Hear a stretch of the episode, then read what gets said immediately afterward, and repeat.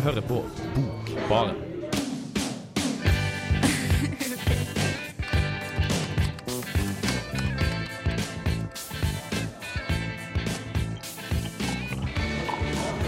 Du hører på Bokbarn!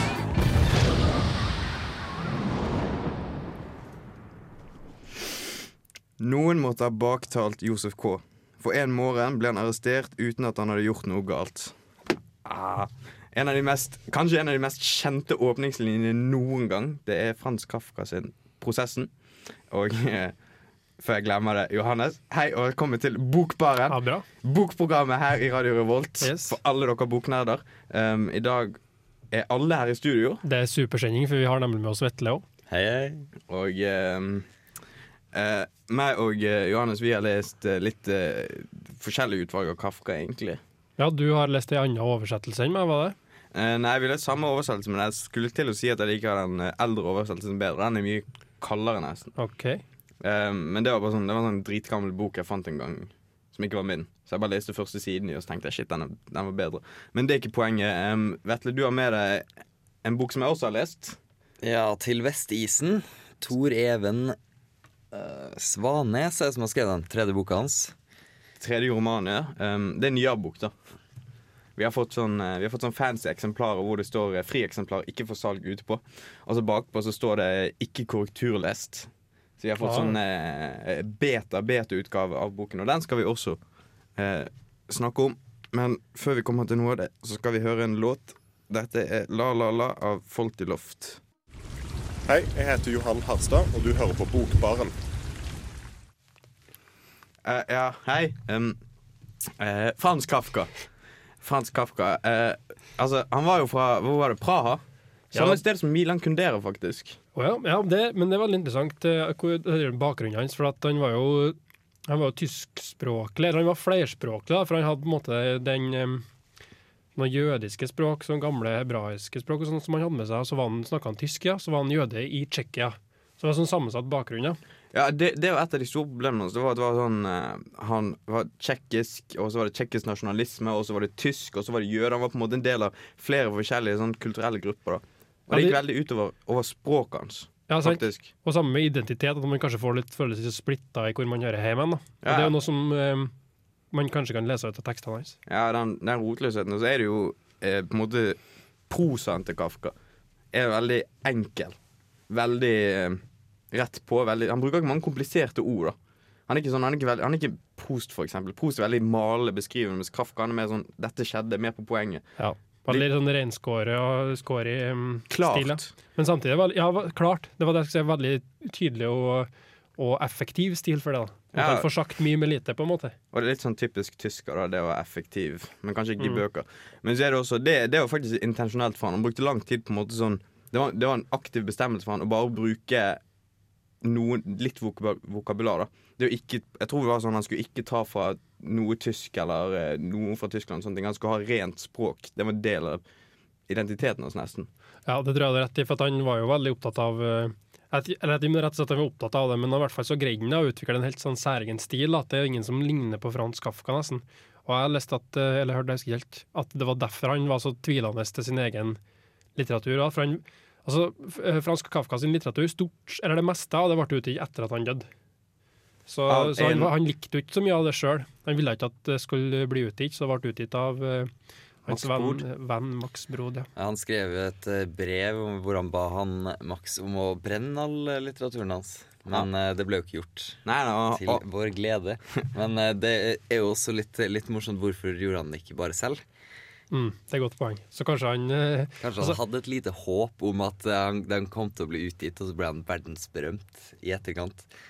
Og at hans, eh, hans død kanskje til og med kunne være en liten måte å ja, faktisk gjøre til at han ble så kjent. ikke begynn å stille sånne spørsmål. Nå, nå begynner jeg å tenke sånn For det er mye sånn tematikk i bøkene altså, hvor han tviler veldig på hele forfatteryrket. da Ja. Det at han noen gang kunne på en måte få ut på papiret det han hadde, det han følte selv. da Mm. Og så var det på en måte Kanskje det var et eller annet med at når han døde, så brydde han seg ikke lenger. Da var det sånn, da skal du få lov til å gjøre hva du vil. Det mye Han hadde, han hadde store problemer med damer og litteratur. Og han var jeg tror fantastisk flink med begge to, egentlig, i forhold til normale standarder. Han var han var veldig flink til å forføre damer. Han, jeg tror det var det. Tror ja, nei, han, altså, han, var, han, var jævlig, han forlovde seg sånn to ganger. ja, ja. Men hver gang så førte, fikk han det til å bryte av selv. da Ja. For han taklet ikke Han taklet ikke å ta det valget. ja. Og det er jo på en måte Det var ikke bare en usikkerhet rundt eh, om litteraturen hans var god nok, men også en slags kamp mellom om han helt tatt skulle, skulle vie livet sitt til litteratur. Om eh, er det riktig, går ikke det på bekostning av familie og sånne type ting. ja.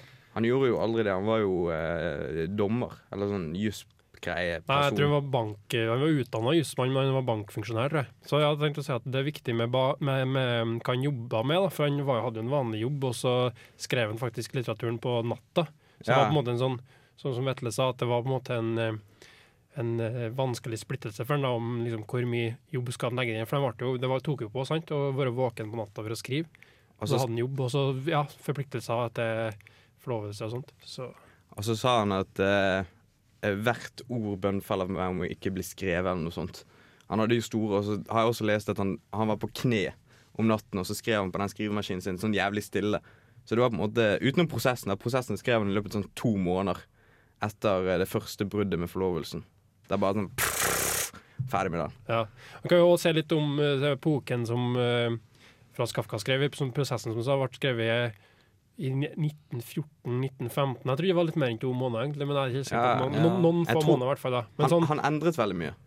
Ja, men det var som du sier, at uh, altså, den ble ikke- heller gitt ut før etter han var død, så det, ble på en måte, det var et sånt uh, jobb, arbeid han drev med, men den ble uh, roughly skrevet mest på den tida. Men altså da, den var jo etter, etter at forlovelsen med hans første forlovede, tror jeg det var, som ble brutt, og utbruddet av første verdenskrig. da. Så veldig både turbulent tid, både privat og i, i verden ellers. da. Men så ble han jo heller aldri ferdig med den romanen. Nei, nettopp. At Nei, han, jo- han jobba kanskje med den videre, men ville jo ikke gi den ut. Det er masse, masse fragmenter, masse, masse kapitler som aldri ble fullført. da Og han skrev jo på en måte Jeg tror på en måte det var det som var greien. Jeg tror Han var veldig sånn Han greide aldri å få til noe så perfekt som han ville at det skulle være. Kanskje. Um, og det er på en måte Jeg tror jeg kan være enig i det. Jeg tror han har, jeg tror han har et veldig personlig forhold til sin egen litteratur. Som for eksempel eh, den ene ene novellen han sa han var stolt av. Det var 'Dommen'. Og den handler om kanskje det mest forferdelige forholdet i hans, forhold til faren. Og den handler jo om, den er nesten selvbiografisk. Det handler om en fyr som vil at faren skal avbryte forlovelsen for han.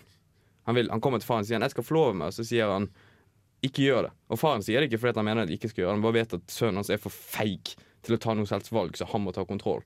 Det er veldig mye avmakt som går gjennom, og viljeløshet. Kanskje ikke viljeløshet, men, men på en måte problemet med å ta et valg. Da. Typisk sånn tematikk eh, hos eh, Frans Kafka. Det der. Ja, Mm. og den epoken Ikke den epoken generelt. Jo, kanskje den epoken generelt. Jo, det kan man kanskje se. Fremmedgjorthet og, og ja.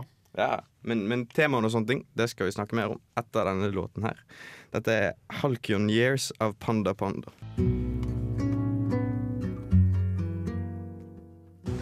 Sex with you is really a Kafkaesque experience. Thank you. Bokbarn. Bokbarn.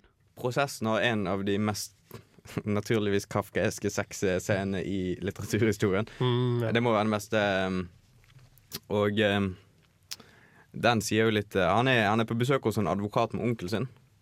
Og så istedenfor å snakke med den inne i rommet, så går han bare og ligger med, med hushjelpen. ja. Og det er litt sånn, den er litt sånn uh, ekkel, den scenen, ikke? for han tvinger seg litt på, ikke sånn? Nå er det en stund siden jeg har lest det, men eh, Eh, altså Mesteparten av det som er i Kafka, er ganske ekkelt. Ja. Altså Det er ikke, det er ikke hyggelig litteratur. Men vi vi jeg har ikke orduttrykket her, men vi, vi, vi er langt foran der vi egentlig skal være. Eh, handlingen er jo egentlig i og for seg ganske enkel. ja, det kan du si. Det handler jo om eh, Det, det begynner, det sånn, den, den starten du leste, det er veldig interessant, da, for den på en måte sier ganske mye, egentlig. Den Ja. er veldig kort og veldig konsis, apropos det vi snakka om at eh, Kafkas stil er veldig enkel, men den sier veldig mye. Noen må ha baktalt Josef K. Altså, noen vet ikke hvem det er, men det er noen som har gjort det. Baktalt. Og baktalt um, Det i, I den andre oversettelsen så heter det vel det 'ført falskt vitnesbyrd'. Så litt sånn ulikt uh, Ja. ulike greier. da. Men, men poenget er at noen har sagt noe, eller noen har uh, hevda noe om han som han ikke vet hva er. ja. Og han mener sjøl, da, uh, uten at han eh, hadde gjort noe galt, så sjøl påstår han at han ikke har gjort noe galt. Så der får du på en måte premisset i boka servert ganske elegant på én setning. Men akkurat den første setningen der er veldig viktig, som vi uh, holder på å snakke om nå. Uh, det som er litt kult, da Kafka selv skrev det som vi ville direkte ha oversatt til uten at han kunne forstå å ha gjort noe galt. Mens det har blitt oversatt til uten at han hadde gjort noe galt på norsk og engelsk. Så, Veldig og det er veldig det, det er to helt forskjellige verdener. Det er jo det hele boka handler om. Har han helt tatt gjort det her? Mens i første setninga på norsk engelsk så blir det konstatert at han faktisk ikke har gjort det.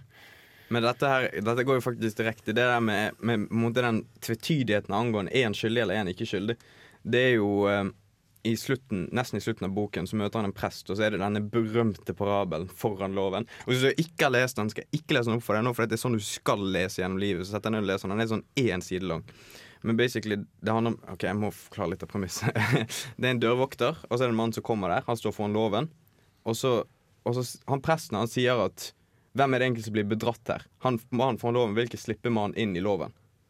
Men han, så sier selvfølgelig Josef K. at det er mannen som har lyst til å slippe inn, som blir bedratt der. Han får ikke lov til å slippe inn, sier presten. Men, men hva om det er han mannen foran loven som blir bedratt? Og det bringer spørsmål. Er det, er det Josef K. som har gjort seg selv skyldig i prosessen? Eller er det prosessen som er skyldig i Josef K. sin dom, da? Ja. Nå hoppa vi jo ganske langt fram, men vi kan jo først se litt om det med domstolen og prosessen. At det, som da skjer når som vi begynte med å snakke om at eh, noen må ha baktalt Josef K., det er jo da at det settes i gang en prosess. eller Det er en slags rettssak. da, Prosess er et ra- rart ord på norsk, i hvert fall. Men sånn, det settes i gang en rett- rettssak da, med en domstol som er veldig rar. For at eh, det er sånn han møter representanter fra domstolen eh, som er anonyme overalt i samfunnet. Så når han kommer i snakk med dem, så får han vite at de er representanter for, for loven da, så, og prosessen. Så det, det er veldig sånn Der har jo det med kafkask, da, at det, eller kafkask, at det er litt sånn uvirkelig og ubehagelig. At man føler at man møter på noe man ikke vet hva er eh, overalt, uten at man kan gjøre noe med det. Og, og det er liksom litt, sånn, litt som du var inne på, Jonas, at eh, han Josef K. han hevder jo sjøl at han er uskyldig. Men samtidig så greier han ikke å la være å begynne å jobbe for å hevde, eller jobbe for å, for å bevise da, at han er uskyldig. La man ikke trenge det. Og det er på en måte Det er hele handlingen i boken. er At han møter mennesker som på en eller annen måte har lyst til å hjelpe han med prosessen. Og så er det Og gjennom det da Så er det mye uh, tema. Det går mye som sagt i begynnelsen Det går mye baktalelse. Paranoia. Altså Ja. uh, tvil. Um, uh, på en måte usikkerhet. da Og den største usikkerheten er jo selvfølgelig Du vet ikke hvem domstol er. Du Mm. vet ikke hva domsapparatet er, men jeg tror det er et står Og ikke engang hva han er tiltalt for, vet han. Nei, nei, nei. Og, da, og han sier på en måte Josef K. sier det ganske klart. Dette er jo helt absurd. Hvordan skal jeg bli anklaget for noe jeg ikke vet hva er? Og det er på en måte det hele konflikten i hele boken. da Hans ønske om å beskytte seg mot noe han ikke vet hva er. Mm. Men på en måte han greier ikke å legge det fra seg heller. Han søker konstant opp på en måte, folk som kan hjelpe han med noe han ikke vet hvordan han skal hjelpe seg selv til å gjøre. Mm. Og apropos det du sa med, med loven òg, for jeg tror det han- litt av handlinga der spiller rundt det. Liksom, han hører jo etter det loven sier. Det er på en måte ingen som eh, Ingen som tvinger en direkte, men de bare pålegger at OK, du må møte i retten da og da. Og selv om på en måte ikke det står noen og passer på han, så bare møter han likevel, for, for å prøve å bevise at han er uskyldig. da. Så det er veldig sånn rar han på en måte Først blir han dratt inn i det, men så på en måte vikler han seg inn i det sjøl. Det er på en måte en av de første sånn retts... Han, er jo, han var på, på et helt andre kapittel i boken og sånne ting, så er han i et sånn rettshøregreie. En dommer. Se for deg sånn helt vanlig Bare se for deg Breivik i retten, og så ser du for deg at det er Josef K. en eller annen kødd istedenfor. Og så begynner han å snakke, han, han tok defensen så begynner folk i salen de begynner å le. Og så tenker han yes, nå går det min vei, folk er på min side. Men så skjønner han med en gang at alle disse er jo på lag med dommeren. Og da begynner han å tvile med en gang. Ler de fordi dommeren sa at de skulle? Ler de for å gjøre narr av meg? Hvorfor? Hvorfor? Han vil, på en måte, han vil så gjerne overbevise disse folkene i salen, men han kan aldri vite om han overbeviser dem fordi det er falskhet i det, eller fordi det er ekte, eller hva for noe. Der har du noe tvetydigheten som ofte rører seg i Kafka sine tekster. Og, og en annen ting, og det er liksom det komiske. Som eh, eh, Frans Kafka sjøl visstnok har for han var veldig glad i å lese opp tekster for vennene sine. Og målet hans på om det var bra tekster eller ikke, da, var om folk flirer av det. Så samtidig som det er sånn heldig, kan være ubehagelige tekster, som vi sa dyster, så er det sånn Det er jo noe sånn tragikomisk i det. Han derre stakkars Josef K. som både er litt sånn som på en måte er, blir utsatt for noe ubehagelig og, og en slags eh, um, Utsatt for en sånn prosess som er en stormakt som ikke han rår med. da. Og samtidig er det stakkarslig og stusslig med han fyren som ikke greier å stå opp for seg sjøl. Ja. Liksom Og um, em, nå skal vi først høre en sang, men etter det Etter det så skal vi høre en, en dialog mellom han og en maler som heter Tirota... Tiro Ta- Titorelli. Og det er kanskje en av de en av de mest eh, interessante samtaler i hele boken. da. Men som sagt, før det en låt. Dette er 'Knife Edge' av Matt Corby. Jeg heter Erlend Nøttet, og du hører på Studentradioen i Trondheim.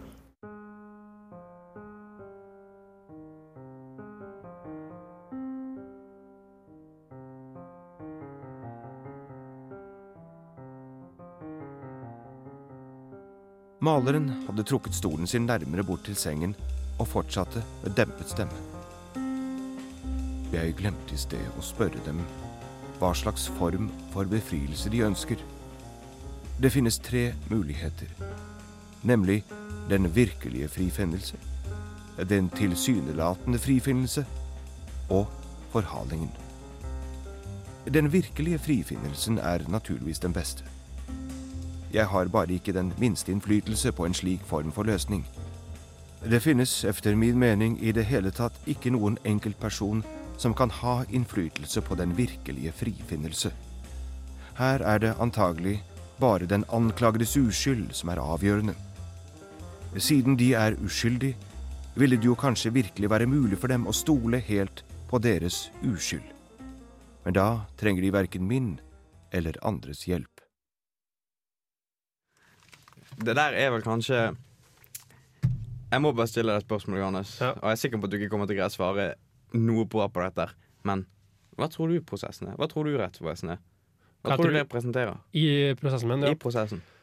Ah, nei, du hadde rett der, altså, jeg har ikke noe svar på det. Men eh, det er jo, vi var, har jo vært litt inne på det, der koblinga mellom, um, mellom altså, Jeg tror ikke det er en sånn ordentlig rett, rettsvesen i den betydninga vi tenker på ordet, men Nei, nei, du har jo det der med koblinga til Josef K. sin egen bevissthet og hans egen, sitt eget um, sine, si- ha- ha- Til han som person, da. For det er noe med at uh, på e- ett punkt i boka så så, um, så, så vet ikke Josef K. når han skal møte opp til, til en rettssak. Og så bestemmer han seg for OK, jeg bare går til lokale rettslokalet klokka ni. Bestemmer han seg for. Men så sovner han eller hva, i hvert fall så kommer han for seint, husker jeg. da. Nei han, kommer ikke for sent. Jo, han kommer Ja, ja, det gjør han ikke. Han, Han, eh, Han kommer han for sent fordi han får ikke noe beskjed om hvilket tidspunkt Nei, nei, nei. han skal møte på. Så bare ikke- regner han med at det Nei, nei, poenget er, som ikke jeg husker poenget er hele, det er hele poenget at han kommer for sent, og så sier I forhold til den tida han sjøl bestemte seg for det, og så sier dommeren du skulle leverere for så lang tid, og det var akkurat på den tida. Ja, så da er spørsmålet, da, ja, da er spørsmålet Det er liksom faktisk er, er på en måte Er det noe han på en måte koker opp i, er det han som er Så det er veldig innfløkt. La meg bare, la meg bare ta den, akkurat den scenen der, for det um, Full av tolkningsmuligheter, og vi må jo ta den, da. Ja. Uh, det at uh, Vetlerett Jeg beklager, Johannes, men Vetlerett han, uh, han vet ikke når han skal komme. Nei, det var det jeg sa. Det er vanlig å komme 11, og så kommer han, og så sier eh, han til dommeren da Dommeren sier du skulle komme, vært her klokken 9. Og så sier K Ja, men jeg er her nå. Nei. Jo. Han sier, han sier akkurat det. Han sier jeg er her nå. Ja. Og så begynner folkene å klappe for han står endelig opp for seg selv. Mm. Han bukker ikke under for maktene utenfor seg selv. Hele boken handler om at han driver og går til andre mennesker for å få hjelp med et problem som er så klart hans eget. Du kan ikke få hjelp. Hvordan skal du leve livet ditt? Jeg tror det er det han handler om. Hvordan skal du leve livet ditt? Ingen kan si det til deg, men på en veldig angstfylt og paranoid måte som Kafka mest sannsynlig levde det. Og for å støtte poenget mitt Han møter eh, religion da gjennom en eh, fengsels... Eh, nei, Mm. ikke fengsel, sånn eh, kirkebetjener. På slutten så sier han ehm, Jeg tilhører altså domstol, sa han geistlige. Hvorfor skulle jeg så ville deg noe? Domstol vil deg ingenting. Den tar deg imot når du kommer, og slipper deg når du går. Aha, skjønner du ikke? Ser du ikke løsningen der? Et av de fineste kapitlene. noen Hva, hva du mener løsninga nå? Jeg jeg mener at den, den tar deg imot når du kommer, og du slipper deg når du går. ja. Det, det antyder at eh, Josef K. selv har gått prosessen i møte. Ja. Og at han ikke greier å la han gå, for dette problemet er så vanskelig. Så. Det kan ikke løses med logikk. Du kan aldri løse det med noe som helst. Den eneste måten du kan løse det på, er å bare gjøre noe. Men du kan ikke gjøre noe når du ikke vet hva du skal gjøre. For du vet ikke hva som er fornuftig å gjøre. For egentlig så er det ingenting fornuftig å gjøre i det store bildet. Det er det, hele, det er det jeg også tenker hele den parabelen foran loven handler om. Det handler om at han skulle egentlig bare gått inn den jævla loven. Jo, selv om han ikke hadde lov. For det må du gjøre for å leve livet. Noen ganger må du ta valg, selv om du ikke har godt nok grunnlag til å ta det valget. Spesielt i, sånn, spesielt i forhold til livsvalg. Sånn, hvis du ser på Kafka personlig, så er sånn, Skal jeg skrive? Skal jeg bry meg om familien? Skal jeg bry meg om jobben? Skal jeg være et godt menneske? Han kunne ikke ta det valget, for det er ikke noe riktig valg der. For ingen kan fortelle deg du skal gjøre det og det. Det er et valg du må ta selv. Og han greide aldri å ta det valget. Han, var- han var alltid i tvil om hva han skulle gjøre. Og det samme er egentlig Josef K. Mm. Hvordan skal han forholde seg til prosessen? Det beste hadde vært å ikke forholde seg til prosessen i det hele tatt. Det beste hadde vært en falsk frifinnelse. Livsløgn. Ja, det er, jo en fi, det er jo en artig tolkning som Eller sånn, det er jo en tolkning du har der. Men Kalte du en artig to tolkning? Ja, jeg hørte selv at det- det er ikke noe artig tolkning, Jo, det er en legit, ordentlig tolkning. Poenget mitt er at det, jeg tror ikke at det finnes bare én tolkning. Det er ikke sånn at du har på en måte, eller sånn, det er ikke sånn at det går an å, å løse floken. For Nei, det, nei, nei. Det kan, du kan jo sette sånn spørsmålstegn til din tolkning òg. Det er jo Det, det kan jeg være enig i. loven, da. Hva, hva er det som um... Bare la, bare, bare, la, la, Ja. bare la meg si, jeg er enig der. Det var veldig bastant framlagt. Det er mitt syn. Det er sikkert veldig Ja, Jeg tror på en måte det endrer seg veldig med ut ifra hvem det er som leser boken. rett og slett Jeg tolker den sånn fordi at jeg syns det passer best til meg. Men det er mange andre måter jeg kan tolke den. Jeg kan også tolke som måte bare et, en bok om undertrykkelse fra en faktisk stat. Jødene blir jo undertrykket. Du kan tolke den sånn også. mm. Og så kan du tolke den som eh, jeg, vet ikke, jeg har ikke noen andre tolkninger oppi hodet men jeg er sikker på at du kan tolke den på uendelig mange måter. Du kan, ja, det er det som er både uh, litt sånn smart og vanskelig med Frans Kafka, det, og derfor han kanskje har blitt så mye omtalt, at det er så mange tolkningsmuligheter. Annet, det, det var det jeg tenkte på, som du sa nå, Jonas, at uh, han kan tenke på det som at Kafka at man skal si at det er en konkret tolkning, men at Kafka er god til å beskrive um, Beskrive hvordan folk reagerer på makt, da, hvordan makt blir utøvd overfor folk. Og ja, som du sa, det har man jo sett eksempel på senere i historien, at det, den fremmedfølelsen og den undertrykkelsen kan skje. Og det er på en måte det som har gjort Kafka genial. Det er ikke nødvendigvis plottet, det er ikke nødvendigvis tolkningen, men det er hans beskriv, måten han beskriver eh, konsepter som avmakt på, paranoia, eh, tvil, eh, sånne ting. For jeg har tenkt mye over hvordan, akkurat hvordan han skriver. Den gjør at han Det er nesten litt sånn fantastisk litteratur, men den er ikke fantastisk. Det er bare det, det, Han beskriver veldig realistisk, veldig tilfeldige ting. For eksempel når han er hos denne maleren som vi snakket om så ber maleren Kan du ikke gå ut døren, den lille døren bak sengen min? Og så sier Kafka jo da, sjø. Kjøper masse bilder som ligner, alle sammen ligner på hverandre. Og så går han ut døren, og så sier han men, men dette er jo et rettskontor. Og så sier maleren ja, men retten er overalt. Loven er overalt.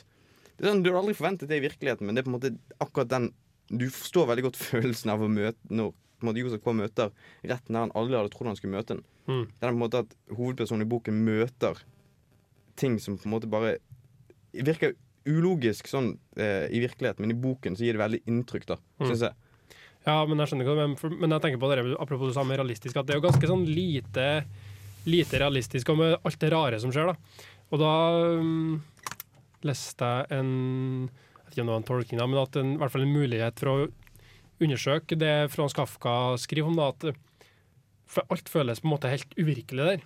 Men så, så var en tolkning jeg tror var en Jeg husker ikke hvilken forfatter det var, men det var den da, som mente at eh, altså, virkeligheten er jo kaotisk og uforståelig, men det er på en måte vi som gjør den forståelig.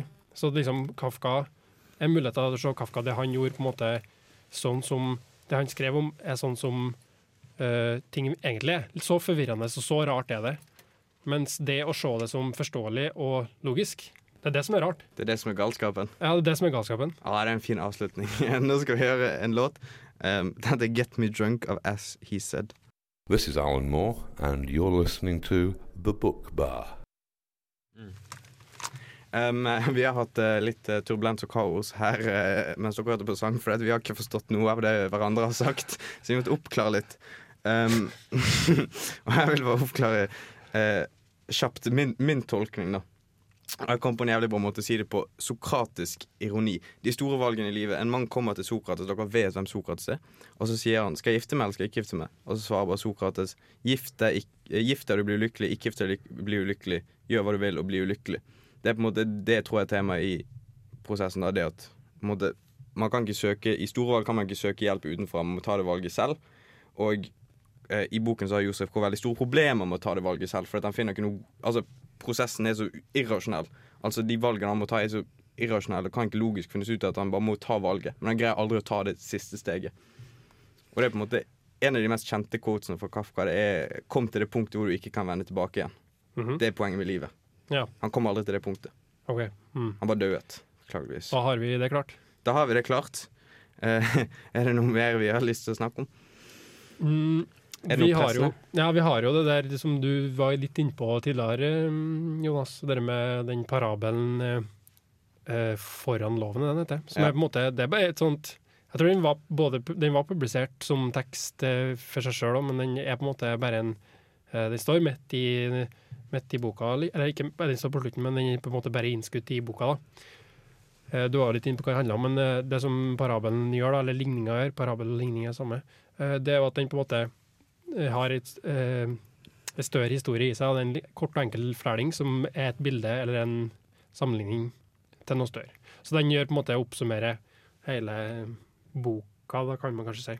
Ja, den kommer, den kommer jo sånn si, på en måte, Jeg vil anta den der eh, i domkirken som på en måte konklusjon. Og så Ja. er det en annen konklusjon etter det hvor han blir drept. da Altså Han, blir, han får dommen sin. Spoiler. Jesus. Ja. Selvfølgelig blir han drept. Men det er jo som du sier, at det er sant, det. Men eh, at eh, Hva tenker jeg på? At um, Jo, oppsummering, ja. Men det er jo på en måte ikke så, det er ikke så klar, den foran loven der, da. For at uh, Nei, den er jo uklar som faen. Ja, og det, det er noe av det kan man si, og det som er mest kjent med Kafka, at han, er disse vokteren da, som sitter og vokter loven. Og så er det liksom en punchline, eller hvis man kan kalle det det, at når mannen har sittet og venta foran loven uten å få slippe inn, så, så sier han Men hvis alle vil inn loven, hvorfor er det ingen her? For den åpninga var ment bare for deg. Å, det er så, å, det gir meg frysninger, akkurat det der. Ja. Han bøyer seg ned langt, han er sånn der gammel krøking, og så sier han bare Den loven var bare for deg. Og så er det bare, oh my god, han døde bare for å finne ut at han ble fucked up fordi han var dum. Men det synes jeg er en interessant ting som skjer etter, rett etter det. Så da begynner Josef K. å tolke, for det var det jeg tenkte som fyrer meg litt med det som du snakka om i stad, Jonas. At man begynner å tolke den boka, her veldig, så kan man finne ut veldig mye forskjellig, som vi sa. da. Men det han Josef K. begynner, han begynner å tolke den historien. Oh, ja, så det er Så, så, så vokteren bedrar mannen, Ja. tror Josef K. Og da sier, da sier han, eh, den geistlige, som er, den presten, er det, på Ja. fengselsprest, at nei, nå må du følge med på historien, det er ikke det det står. Så at, at det er på en måte sånn at eh, Eller man kan i hvert fall tolke det som at dette skal kanskje ikke leses allegorisk. Eller, og, det, det vil si at det skal kanskje ikke leses som det det er. Det, altså det er jo en parabel, et bilde på noe annet, men kanskje kan man være kritisk til det i Frans Kafka. Men det er, viktig, det er en annen ting han der eh, Geisli sier, det er at han sier Jeg sier ikke mine meninger om parabel. Jeg sier bare alle andre sine meninger om parabel. Jeg sier sånn Du kan ikke stole på noen av meningene. Du må finne din egen mening. Ja, og det er jo, du må aldri ha en bastant mening, for at meningen kan være feil. Ja. men det, det, det jeg tenker da, at det er liksom veldig naturlig å, å søke tolkninger som på en måte er litt sånn allegorisk. At sånn, hvis det står en bokstavelig ting, så søker man en annen forklaring på det. Ja, hva betyr dette her? I overført betydning. Men så kan det jo kanskje være sånn at hva, Kanskje man kan overtolke, da. Det er poenget. Vi kommer alltid til å overtolke Kafka. At vi aldri kan stille det. Iallfall hvert jeg. Jeg brukte en hel dag eh, med folkene mine på videregående og diskutere denne parabelen. Vi kom ikke fram til noe ordentlig svar. Men ah, dramatisk effekt. Vi lukker, Ja. lukker denne fuckings boken for alltid. Jeg skal aldri lese den igjen. Så klokere. Jeg skal aldri lese den igjen. Fuck den. Den vi, ble, vi, ble, vi ble litt klokere. Vi har jo fått uh, Jeg ble ikke Nøsta litt klokere. Eh, Så etter den, her, uh, etter den låten her så skal vi høre, uh, snakke om eh, en annen, mye enklere bok. Takk Gud.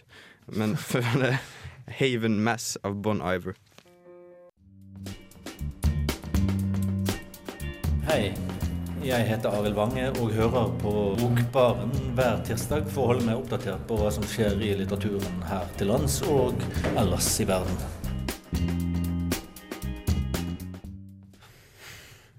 Gammel litteratur er vel alltid aktuell. Noen av det iallfall. no, noe av det, i hvert fall. Noe av det. Eh, Kafka er veldig aktuell.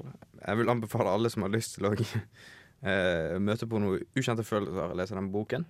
For de som har lyst på litt Det er ikke nødvendigvis enklere litteratur. Det var en jævlig til Vestisen. Den vi skal snakke om nå. Det er en ny bok. Den kom ut i år, gjorde den ikke? Ja, nylig. Skrevet av eh, Jeg har ikke kopien min her, men den er skrevet Tor Even Svanes. Ja, og um, det er Jeg leste en anmeldelse av han i VG, for jeg gidder ikke å lage mine egne meninger. Og uh, han skrev at vanligvis når du får en bok som har så mange tom, så mye tomhet på siden, så er ikke det et godt tegn. Men eh, jeg må se meg enig i han, for at, som sagt, jeg har ikke giddet å lage mine egne meninger. Det er faktisk ganske bra skrevet, syns jeg, da.